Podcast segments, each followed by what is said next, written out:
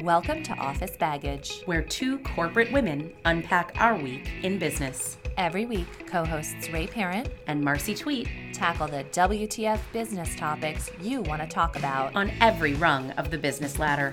Bring your baggage, We'll unpack it.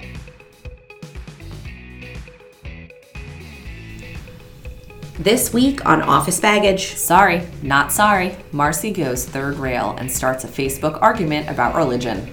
And the annoying trend of panels of men talking about women. That's Congress, right? Why, yes, Ray, it is. That's our government.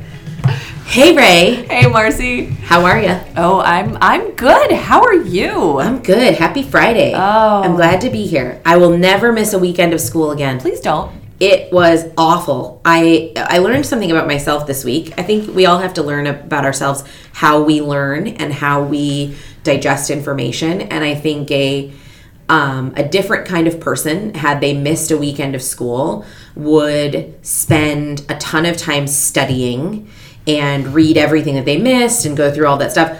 I am just not that kind of learner. I learn by listening, I learn by doing, I learn by watching. And I sat down with like our books last weekend and tried to do some of the assignments that were happening without having the um, opportunity to have been in class. And I just was like, uh, no. I'm not that person. I'm not that person. I'm always the person who wants like a longer, whenever our professors have a two hour test time, I always want it lifted because I don't want to study for the test and then do it. I want to study for the test as I'm doing it. Yeah. Because I find it easier to actually, I just want to go. Like I want to dig in and go and do something.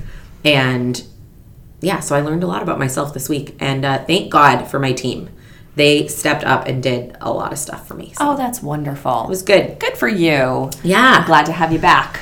But it's been a tough week in the USA, my friends. It has been a tough week, and I it, it's. I think you and I talked about should we or should we not sort of talk about this, and and we saved this podcast instead of podcasting on Tuesday night. We saved it to do it in person today because I think it's a really touchy top topic, and I don't necessarily want to get into a long discussion of what happened in Las Vegas and and how everyone's feeling and gun control and and uh, mental illness and all these kinds of things, but. Um, we'll boil it down to a very hilarious Facebook argument. So you posted something on Facebook, and I'm paraphrasing, and you basically, I think it was Tuesday. It was right at yeah, it was right after it happened. you said that you would not. Did you say you would not pray, or you would not so simply I woke pray? up that morning and I saw every single, you know, it was like person after person after person after person, pray for Vegas, pray for Vegas, pray for Vegas, pray for Vegas. And then, you know, congressperson after congressperson saying thoughts and prayers, thoughts and prayers, thoughts and prayers, thoughts and prayers. And so I wrote on my Facebook, no, I will not pray for Vegas. Maybe we should all I, I should read it because it's I don't want to. It's like maybe we should all stop freaking praying and start advocating because it just it frustrates the heck out of me um, that these things keep happening and i think everyone in the us so i wrote no i will not pray for vegas. Maybe we all need to stop praying and start advocating for change. And immediately i was attacked um, which you know i just don't want any dudes from high school to be my facebook friends anymore. So i'm defriending them all in a like slow slow burn. But immediately got attacked for politicizing this tragedy and what i wrote back to that and i just found frustrating is yeah, I'm politicizing it because immediately after something like this happens is exactly the right time to talk about it. Because if we let that anger and fear die down, then everything goes back to normal and we once again completely forget to do anything. But my point wasn't that no one should pray and that no one, that prayer isn't, you know, whatever you think and whatever you believe in your life, that's fine. But here's what I think prayer is I think prayer is self salve when you get on your knees and you pray to your God, whomever she may be, um, you make yourself feel better. And in this instance, for people who don't have religion, who aren't believers or aren't part of that group, there's not a lot of salve that can be put on these wounds. It feels shitty. And what I don't want is for people to spend time on their knees praying for the victims, for the shooter, for our society, and then do nothing. And I feel like every time we see this constant pray, pray, pray, and it's like, you know what, guys? Jesus or Allah is not going to change this. So, uh, I think what you're getting to is is prayer versus advocacy, and of course they aren't mutually exclusive. One of the things that I think was exceptionally interesting about the reply to your Facebook post is how many people, instead of saying, "Marcy, what do you mean?" or clarify, immediately jumped to attack. Yeah. Immediately tried to take it to a place that was polarizing and politicizing when you tease out your perspective, it makes a ton of sense. Or that I was attacking people's religion, which I'm not. Like you can believe whatever the heck you want to believe. And belief, faith, it's a, it's an it's an extremely complicated, extremely personal thing.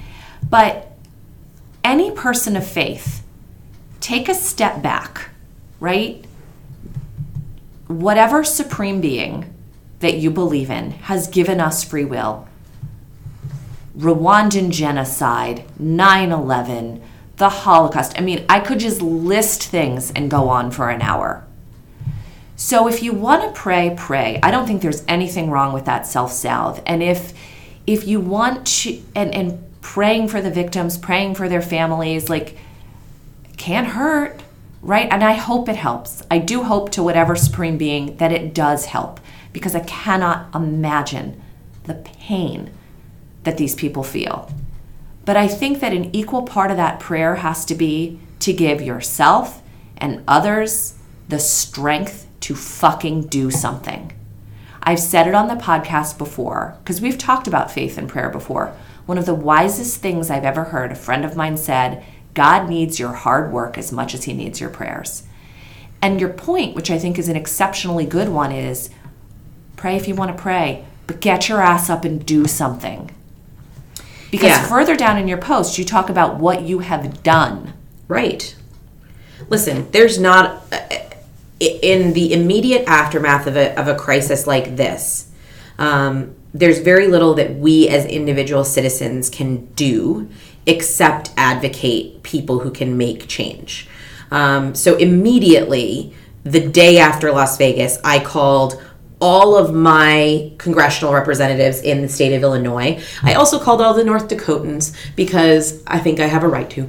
Um, and you know, talked to some of their people and also left messages. And my ask, I think everybody has different asks in this. My ask is for the Democrats and the Republicans to sit down in a bipartisan joining together with the NRA, with the stakeholders at play here, and have a bipartisan discussion about how we make this happen because I just don't believe. I mean, I, am not going to regurgitate Jimmy Kimmel's stuff. Go watch Jimmy Kimmel because the Jimmy Kimmel video on Las Vegas is incredible.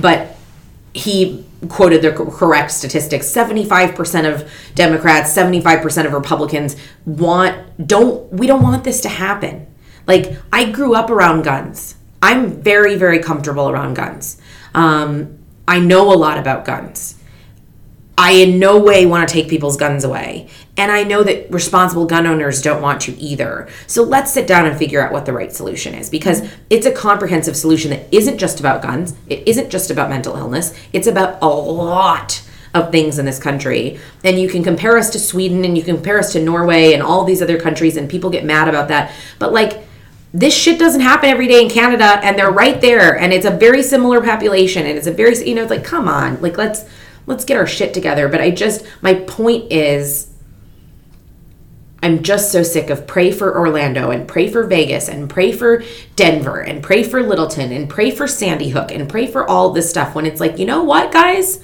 Like God God isn't God isn't helping. God didn't help 10 years ago. He didn't help now. He's not helping. Your praying has not done anything. Your praying has not done anything to make any of this stop. So Stop praying, start doing. And people can hate me for that if they want to, but it just frustrates the hell out of me. Yeah. The whole situation is exceptionally frustrating. I am fine if people take comfort in prayer. I just think that it's hypocritical to only pray. Yeah.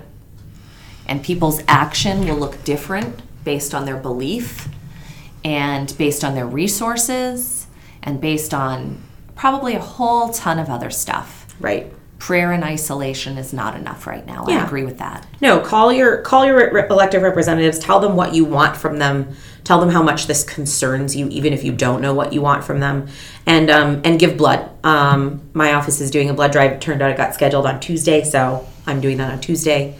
Um, I hope I can do that. I wonder I if I can do that with that. if I'm on antibiotics. I'll have to find that out. I'll Google that. But I'm signed up. Um, so you know, those are those are that's what we can do right now. That's what we can do right now. So yeah, it's not a great place to be.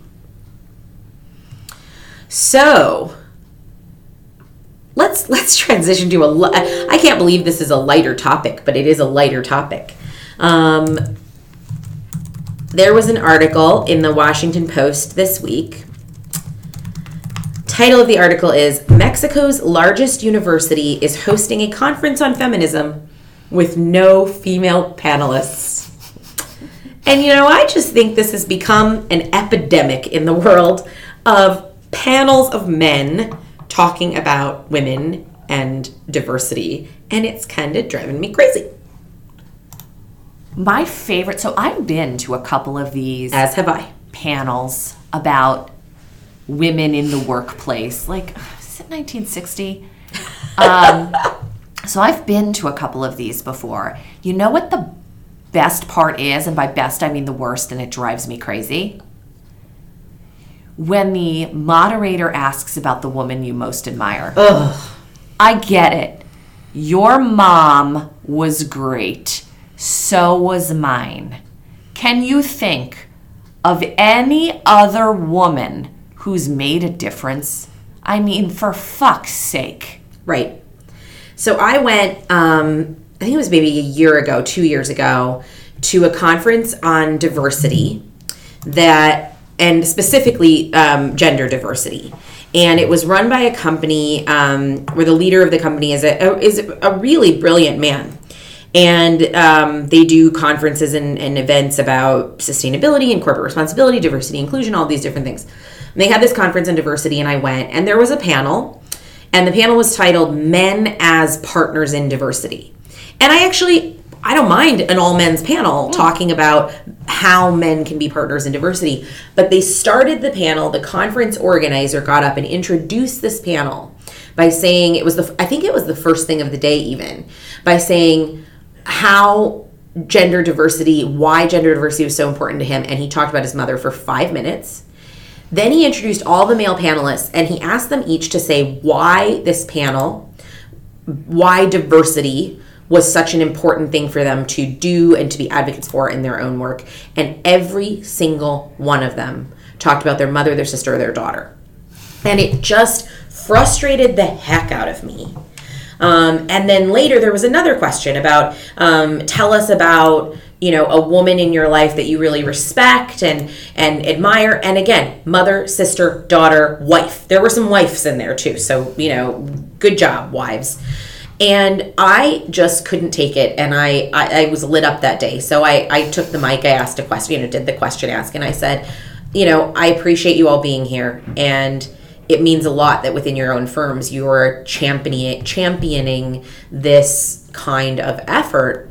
But it frustrates me that none of you used examples about your female staff members or your female colleagues or women that you've seen lead. And they all sat up there and just looked at me in the audience like what? Like what do you want from us and it just frustrates me. So i just i implore the men listening to this podcast of when someone asks you why you care about diversity please don't talk about your children your daughters and your your mothers. Like maybe care about diversity because of the women that you lead and the women that you work alongside with or the women you work for. And it frustrates the heck out of me. Maybe talk about exactly to Marcy's point the women that you're working with for whatever and share perspective on when you've seen them experience a challenge. And how you might have navigated through that challenge with them. Because that's the power. That's what you need to teach other men. One of the most powerful experiences I've had in my life, let alone my professional um, experience, is as I've mentioned, we do a ton on diversity. We had a group come in that was called White Men as Full Diversity Partners. It is an organization that is completely dedicated to teaching cultural competence to white men Interesting. and allies. And the idea is you're always going to be a white dude. I'm always going to be a white woman. That person's always going to be a black Right. person. Let's talk about our different experience so that so that the white man knows how to be an ally. And when you're sitting up there saying my mom, my mom, my mom, you're failing in your role as an ally, especially if you are an executive. Because basically what you have reinforced is that a woman's most valuable role is motherhood. Right. And look at that's the favorite part of my life most of the time. Sometimes my kids are dicks. We've talked about that too. But that's a failure.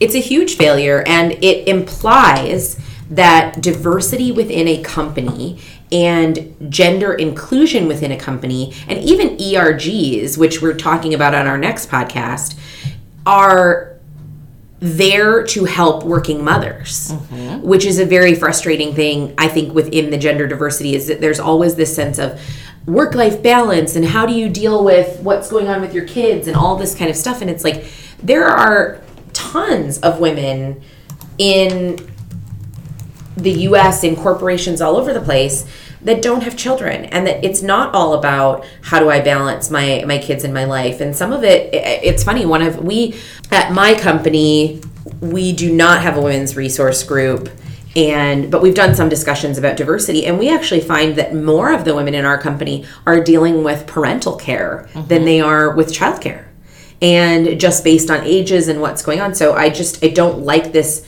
constant painting of a woman in this mother role and that that is our our you know our most important job. Ugh. Sorry, sorry. I apologize to the mother in the room for ugh at motherhood, but it just annoys me.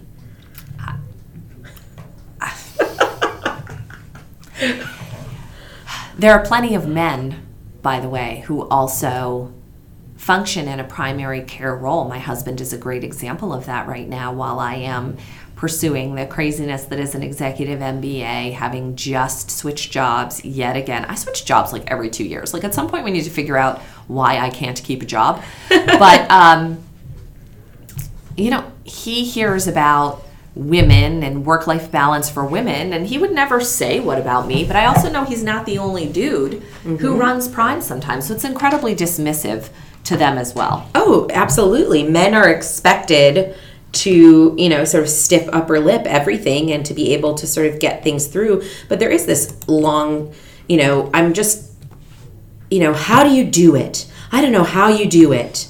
Like, I'm just sick of it. I do it just like everyone else does it. I get up every day and I do, you know, whatever I'm supposed to do. And so do all the mothers in my life. And I'm just sick of this Yeah. patronizing, oh gosh, Ray, I don't know how you do it. You have so much going. Like, yeah, we all do. You know, let it go. You get up, you put your hair in a ponytail, you drink some coffee, and you get your shit done. I get the question, and I think we've talked about this on the podcast before about balance all the time. Mm-hmm. The number of women who ask me on a weekly basis how I balance it all is phenomenal. I think I just need to put a post it on my door that says balance is a lie. It is. You're constantly plate spinning. Get used to it. You're constantly plate spinning. You're constantly dropping things. It's it is an epidemic of perfectionism in our society that is posted onto girls from the time they are are young, and it's just wrong. We have to be willing to make mistakes. We have to be willing to to be vulnerable and and and imperfect. I feel like this was a depressing podcast where it's like We yeah, we need something fun. the world is crumbling to shit. So, um, I recently reconnected with a very, very good friend of mine who became a friend during a very formative moment of my career. It was really my first couple of years in consulting right out of college. And we've just been texting a ton lately, and he is a podcast listener now. Oh, fun. And he has shared our podcast pretty widely among the leadership team in his organization, which scares the hell out of me. I won't mention the organization, but you know, there's a non-zero probability that if I leave my company, I'll never work in financial services again. But that's fine because we all know that my dream job is to be the person at the airport who yells at people who don't move their car. I know. But anyway, that'll be on a future podcast. Um, and so we were chatting, and he was like, I would love to share gay perspective with you. And I had texted you kind of a screenshot Yeah. of the text we were having. But what I thought was, you know, wouldn't it be fun to have a couple of guests who knew us when? That would be fun. Right? So 23 year old, fresh out of college me did some stupid shit um, professionally. Uh, just stuff that I look back and I just Yeah. kind of shake my head, like amateur mistake kind of stuff. I would just so so that individual, we'll call him Bruce, is my um, I almost called him Will. Actually, yeah, recut. That individual, we'll call him Will, is my um, he knew me when person. Do you have a who knew me when person? Oh my gosh, I have so many who, who knew me when people that that I could bring on. But yeah, I mean, it's funny. The first person that comes to mind is an old boss of mine. I and I think she'd be lovely to have on the podcast. She's one of my my great longtime mentors, and I remember. I don't know if I've told this. No, I don't think I've told this story on the podcast. I remember ha- her having a conversation with me about the way I was dressing and it like still to this day is one of the most like horrific moments of my life and my career but like i, I think I, I was 21 or 22 when this happened. And i just had not had the education yet of what you what what you wear to work and what you don't. I remember i re- the what i remember about it is is um she sort of had this conversation with me about dressing more dressing up more for work. And i remember saying well whenever we have a meeting i wear a jacket. And i remember the look on her face being like well that's a start like you know but it's just you have to learn those things and it's a it's a rite of passage that every 21 year old goes through you know when you wear leggings to work and um, you know your top doesn't cover your ass well enough and so I remember having that discussion, and, and she's really stayed with me as a, a friend and a mentor through my career. And um, she'd be somebody that, that would be fun to have on because I'm sure she can tell you all the like entitled, ridiculous bullshit I pulled at at uh, at 22 or 23. Yeah, so fun. And what Will can tell you all about is how much fun I was at 22 and 23 because we were working in downtown Manhattan together on a consulting assignment and we got into some trouble. Yeah, It was it was Will that I've told you my worst dating story ever, right? The one where so Will and I there was another consulting team on the project. This has this podcast has nothing to do with work, but fine. what ifs? Well, uh, we should just name that. We should make this a fat chicken, a token Jew because Yeah. we're not talking anything work related. so there was this other consulting team on our project, and there was a gentleman there. We're going to call him Steve because that's his name, and he's probably um, dead by now. And so both Will and I both thought Steve was just the dreamiest, and we couldn't figure out whose team Steve played for. Oh my god. And it made it even harder because Steve was British. So we used to say all the time, gay or British. Like we just didn't know. We couldn't figure it out. So one Gay or British? That's funny. Jewish can also be confusing too. But I, but, but I figured that one out. I love so it. anyway, um, long story short, I'm staying around one weekend because I have a corporate apartment in Manhattan, and um, so is Bruce. No, not Bruce. So anyway, long story short, I'm staying around one weekend, and so is Steve. And Steve says, "What are you doing this weekend?" And I'm like, "Oh, I'm staying in New York. What are you doing? What are you doing?" We decide to meet up at a bar, and so I I I text I text Will. I'm like, Team Ray, because Yeah. we're meeting up at a bar. All right. So Steve and I meet up at this bar and we're having a conversation, and the conversation is going on and on. And I'm realizing that we are from completely different generations. So 23 year old me realizes that Steve was effectively starting his first job out of college when I was in Mr. Wagner's second grade class. Okay. So there is a meaningful, meaningful age difference Right. here. And he didn't appreciate the age difference either. So we're still having a nice time, we're still laughing, whatever. But the tone had kind of shifted. And I really need to question why he thought I was uh, in my 30s when I was 23, but whatever. I'm aging well now. Anyway. so this woman sits down next to us at the bar, and she is a cougar and a half Nice. Blonde, teased, hair sprayed, came in from smoking on the prowl. Oh my goodness. And she starts talking with us, and we're having a conversation, blah, blah, blah. She's a little flirty because with uh, Steve, you know. I go to the ladies' room, I come back there full on making out at the bar. Oh boy. Making out at the bar. No. Ray of 2017 would have just left. Ray of God, Ray of 2002 would have just left. But this was this was Ray of like 1999 who noticed that Steve was really drunk and we hadn't paid the bar tab yet. So and that this woman was scary. so Marcy, God's honest truth. I got his drunk ass out of that bar after settling the tab Oh my god. got him in a taxi home, put him in his apartment, made sure he had water next to his bed, Ray. called Keith from the cab back to my apartment. You're like, he is Horror straight. show. I'm like, He's straight. He's the worst possible straight ever. Oh my god, that's awful. And Will was like, oh yeah, that's a straight. That is a good story. It's the worst. It is my worst dating story ever. That is a good story. Mm.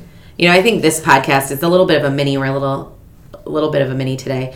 Um, it's like for our, our most loyal listeners because we talked about gun control, and then I, you know, insulted mothers and dating, and now And here prayer. we are. And you prayer. incited, insulted Listen, mothers. I don't even, if you want to pray God. and have babies, you do whatever you want to do.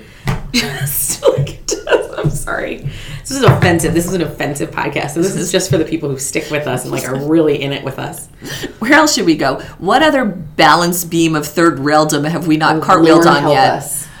I need to go recruit someone to Kellogg, so we will wrap. We will wrap. So, a little bit of a mini episode. Our next episode that you'll hear on Tuesday um, is a lot of fun, and we look forward to it. And then you will hear the millennials. We've been like forecasting the millennials for a while, but we're actually recording with them tomorrow. They better be fucking good. They're gonna 'cause be awesome. them up a lot. We're excited. Okay, here we come. Thanks for staying with us. Find us at officebaggage.com.